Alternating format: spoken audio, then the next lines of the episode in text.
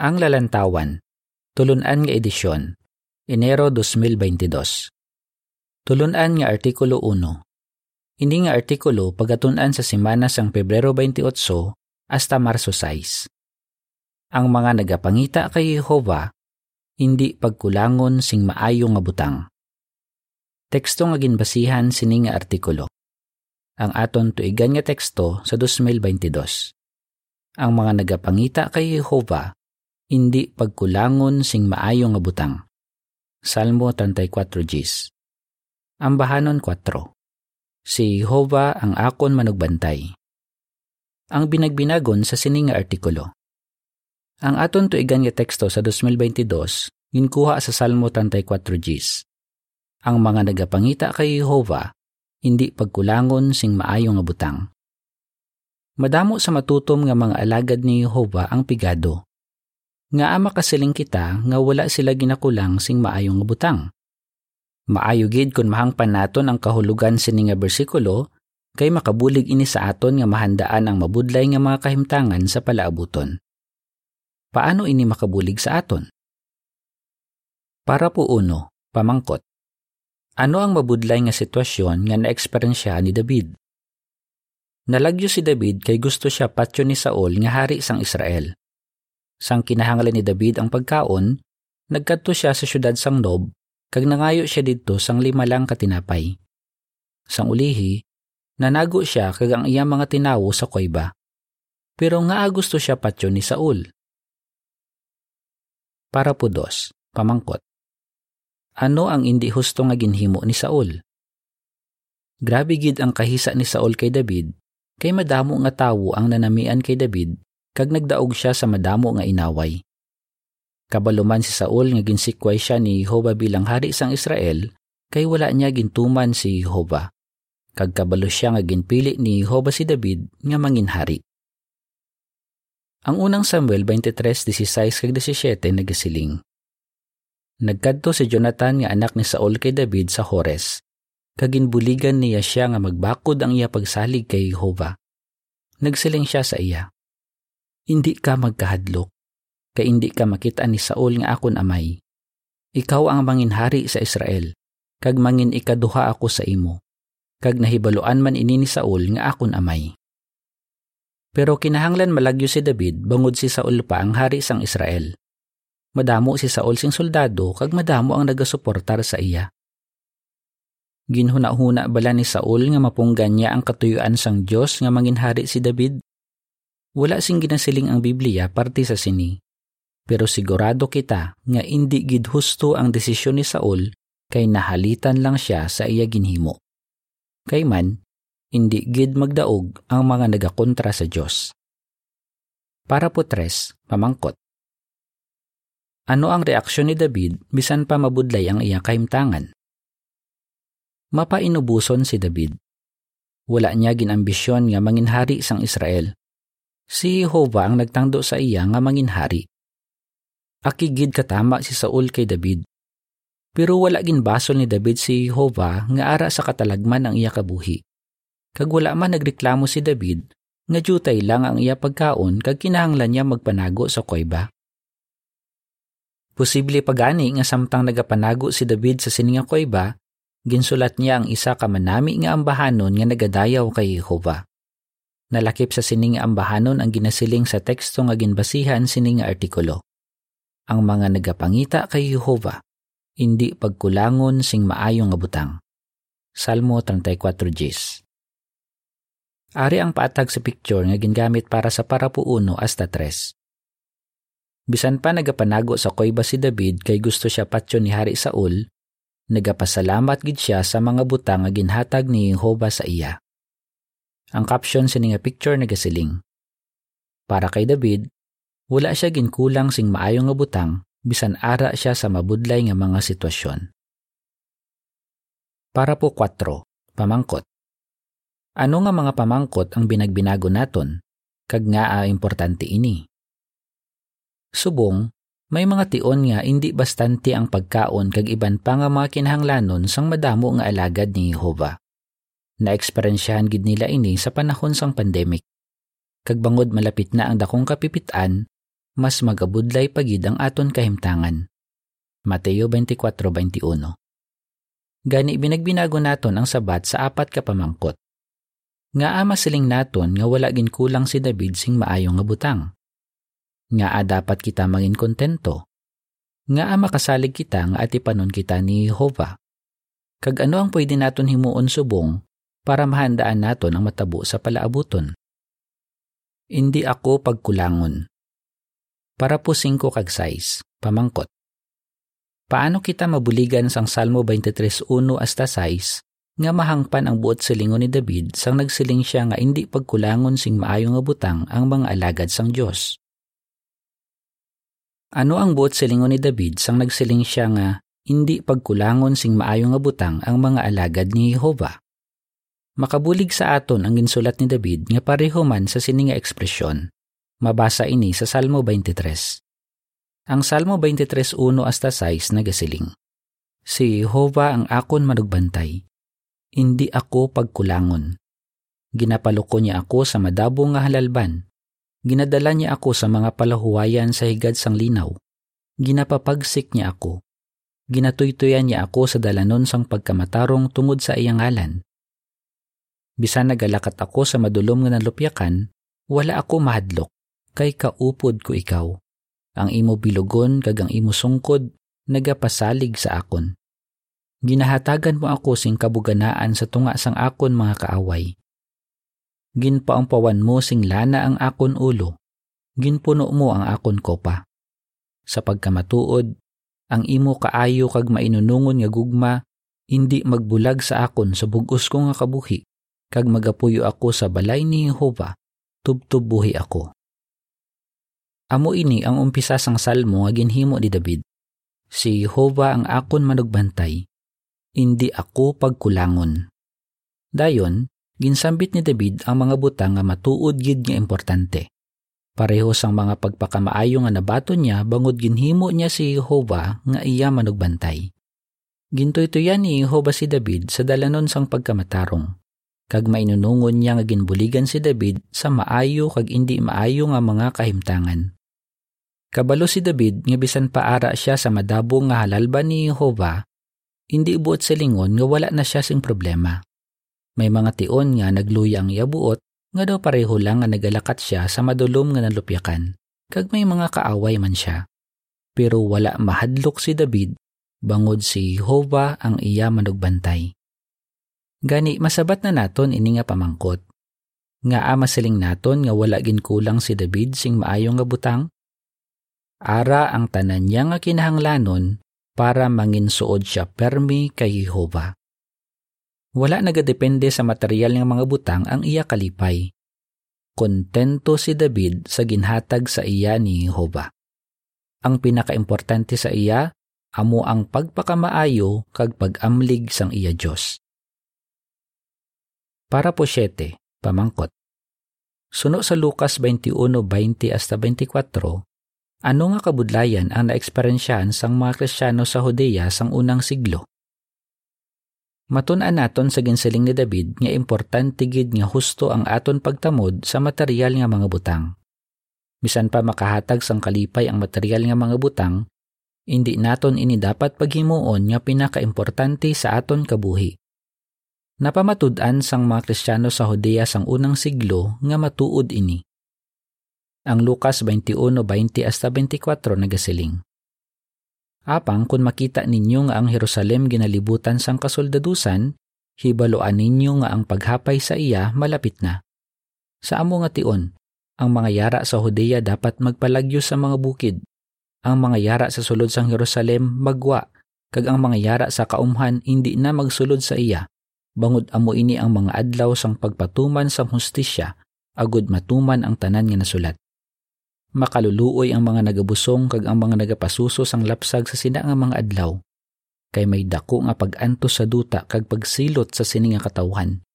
Kag pamatyon sila paagi sa espada kag dalhon nga bihag sa tanan nga pungsod.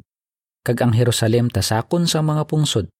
Tubtob matuman ang gintalana nga mga tion sa mga pungsod ginpaandaman sila ni Jesus nga maabot ang tion nga libutan sang kasoldadusan ang syudad sang Jerusalem kung matabo ini, dapat sila magpalagyo sa mga bukid. Kung malagyo sila, maluwas sila. Pero dapat nila biyaan ang ilang madamo nga pagkabutang. Mga pila ka tuig na ang nagligad, ginsiling inisang ang lalantawan. Ginbiyaan nila ang mga latagon kag mga puluyan, nga wala gani gintipo ng ilang mga pagkabutang gikan sa ilang mga balay. Nagasalig sa pag-amlig kag bulig ni Jehova, ginuna nila ang pagsimba sa iya labaw sa tanan nga butang nga daw importante. Para po otso, pamangkot. Ano nga importante nga leksyon ang ginatudlo sa aton sang natabo sa mga Kristiyano sa Hudiya sang unang siglo? Ano nga importante nga leksyon ang ginatudlo sa aton sang natabo sa mga Kristiyano sa Hudeya sang unang siglo? Ang ginsambit kay ina nga ang lalantawan nagsilingman. Mahimo nga may pagtilaw nga matabo sa palaabuton sa kung paano naton ginatamod ang material nga mga butang. Amugid bala ini ang labing importante nga butang o kon mas importante bala ang kaluwasan nga matigayon sang tanan nga yara sa kiliran sang Dios. Oo, ang aton pagpalagyo mahimo magdalahig sing pila ka kabudlayan kag kinawadon. Dapat kita manginhanda sa bisan anuman nga matabo. Subong sang ginhimo anay sang mga kaangay naton sang unang siglo nga nagpalagyo gikan sa Hudeya. Para po Noybi, pamangkot. Paano ka napaligon sang laygay ni Apostol Pablo sa mga Hebreo? Ma-imagine mo bala kung daw ano kabudlay para sa sininga mga Kristiyano nga biyaan ng halos tanan nila nga pagkabutang kag magumpisa liwat sa bag-ong nga lugar? Kinahanglan nila magtuo kag magsalig nga buligan sila ni Jehova sa ilang mga kinahanglanon. Pero may makabulig sa ila para mahimo nila ini. Lima katuig antis na palibutan sa mga Romano ang Jerusalem, ginlaygayan ni Apostol Pablo ang mga Hebreo. Dapat nga ang inyo pagkabuhi hilway sa gugma sa kwarta, kag mangin kontento kamo sa mga butang nga yara sa inyo. Kay ang Diyos nagsiling, hindi ko gid kamo pagbayaan, kag hindi ko gid kamo pagpabayaan. Gani makasiling kita nga may pagsalig. Si Jehovah ang akon manugbulig, hindi ako magkahadlok. Ano ang mahimo sang tawo sa akon? Hebreo 13:5 kag 6 Nabuligan gid ang mga Krisyano nga nag-aplikar dayon sa laygay ni Pablo antes pa nagsalakay ang mga Romano. Sigurado gid ginahapusan sila mag-adjust sa simple nga kabuhi sa bag-o nga lugar. Wala gid sila nagduha-duha nga hatagan sila ni Jehova sang ilang mga kinahanglanon. Ang ginsiling ni Pablo, nagapasalig sa aton nga atipanon kita ni Jehova. Mangin kontento na kita sa sini para po Jis, pamangkot. Ano ang sekreto ni Pablo nga ginsugid niya sa aton? May ginlaygay si Pablo kay Timoteo nga pareho sa ginlaygay niya sa mga Hebreo, kag dapat man naton inisundon. Nagsulat siya. Gani, kung kita may pagkaon, kag panapton, mangin kontento na kita sa sini. Unang Timoteo 6.8 Buot bala silingon sini nga hindi kita pwede magkaon sang manamit nga pagkaon? Makaistar sa manami nga balay? Ukon makabakal sang bagong nga bayo? Hindi amo sina ang buot silingon ni Pablo. Ginlaygayan kita ni Pablo nga dapat kita mangin kontento sa mga butang nga ara sa aton. Amo ini ang sekreto ni Pablo. Filipos 4.12 Ang aton pinakaimportante nga ginapanag-iyahan amo ang aton kaangtanan sa aton Dios hindi ang bisan ano nga material nga butang para po onse pamangkot ano ang matun-an naton sa ginsiling ni Moises sa mga Israelinhon parte sa pagkakontento? Kung parte sa aton mga kinahanglanon, posible nga lain ang aton pangunahuna sang sa pangunahuna ni Jehova. Binagbinaga ang ginsiling ni Moises sa mga Israelinhon pagkatapos ang 40 katuig nga ara sila sa kamingawan. Ginpakamaayo kamo ni Jehovah inyo Dios sa tanan nga ginhimo ninyo. Nahibuloan gid niya ang inyo paglakat sa sining malapad nga kamingawan. Kaupod ninyo si Jehovah inyo Dios sa sulod sining 40 katuig kag wala sing bisan isa kabutang nga nakulang sa inyo. Deuteronomio 2.7 Sa sulod sang 40 katuig, ginhatagan ni Jehova ang mga Israelinhon sang mana bilang ila pagkaon. Ang ila mga bayo sang nagwa sila sa Ehipto, wala gid magdaan. Posible nga ginhuna-huna sang iban nga hindi ini bastante. Pero ginpahanomdom ni Moises ang mga Israelinhon nga kompleto sila sa ila mga kinahanglanon. Malipay gid si Jehova kung kontento kita.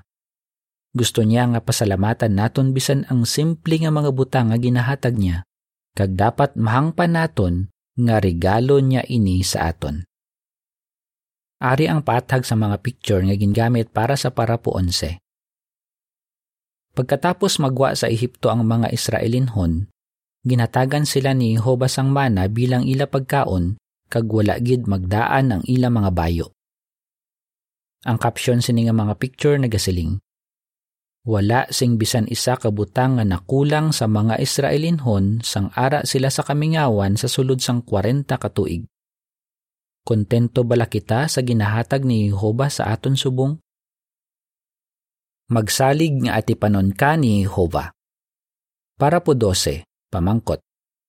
Paano ginpakita ni David nga wala siya nagsalig sa iya kaugalingon kundi kay Jehova? Kabalo si David nga mainunungon si Jehovah kag nagaulikid gid siya sa mga nagapalangga sa iya. Sang ginsulat ni David ang Salmo 34, ara sa katalagman ang iya kabuhi. Pero mabakod gid ang iya pagtuo kay Jehovah, amo nga nakasiling siya nga ang anghel ni Jehovah nagabantay sa iya. Salmo 34:7.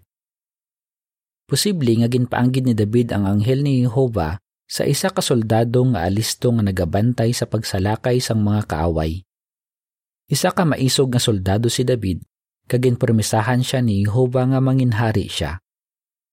Pero wala nagsalig si David sa iya kaugalingon, bisan pa sagad siya maglabyog sang bato o kon maggamit sang espada sa pagpierde sa iya mga kaaway.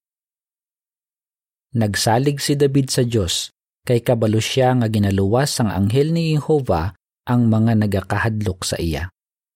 Subong, wala kita nagapaabot nga amligan kita paagi sa milagro. Pero kabalo kita nga ang tanan nga nagasalig kay Jehova makabaton sang kabuhi nga wala sing katapusan bisan pa mapatay sila subong. Para po 13, pamangkot. Nga apa minsaron sang gog sang magog nga mahapos lang kita sa lakayon pero nga ah, hindi kita dapat mahadlok. Nagasalig bala kita nga masarangan ni Jehovah nga amligan kita? Sa hindi na lang madugay, matilawan ang aton pagsalig sa iya. Kung sa lakayo na ang katawan sang Diyos sang gog sang magog, o kung sang naghimbon nga mga pungsod, posible nga huna-hunaon naton nga mahalitan nila kita. Dapat kita magsalig nga masarangan kita luwason ni Jehovah kag himuon gid niya ini. Sa pananaw sa mga pungsod, do pareho kita sa mga karnero nga wala sing nagaamlig. Wala kita sing mga armas, kag wala kita nahana sa pagpakigaway. Paminsaron sa mga pungsod nga mahapos lang kita sa lakayon. Bangod wala sila nagatuo sa Dios, wala sila kabalo nga handa ang mga anghel ni Jehova sa pag-amlig sa aton. Pero nagatuo gid kita nga amligan kita makibot gid sila kung amligan na kita sang mga kasoldadusan sa langit. Ang caption sang picture sa cover nagasiling.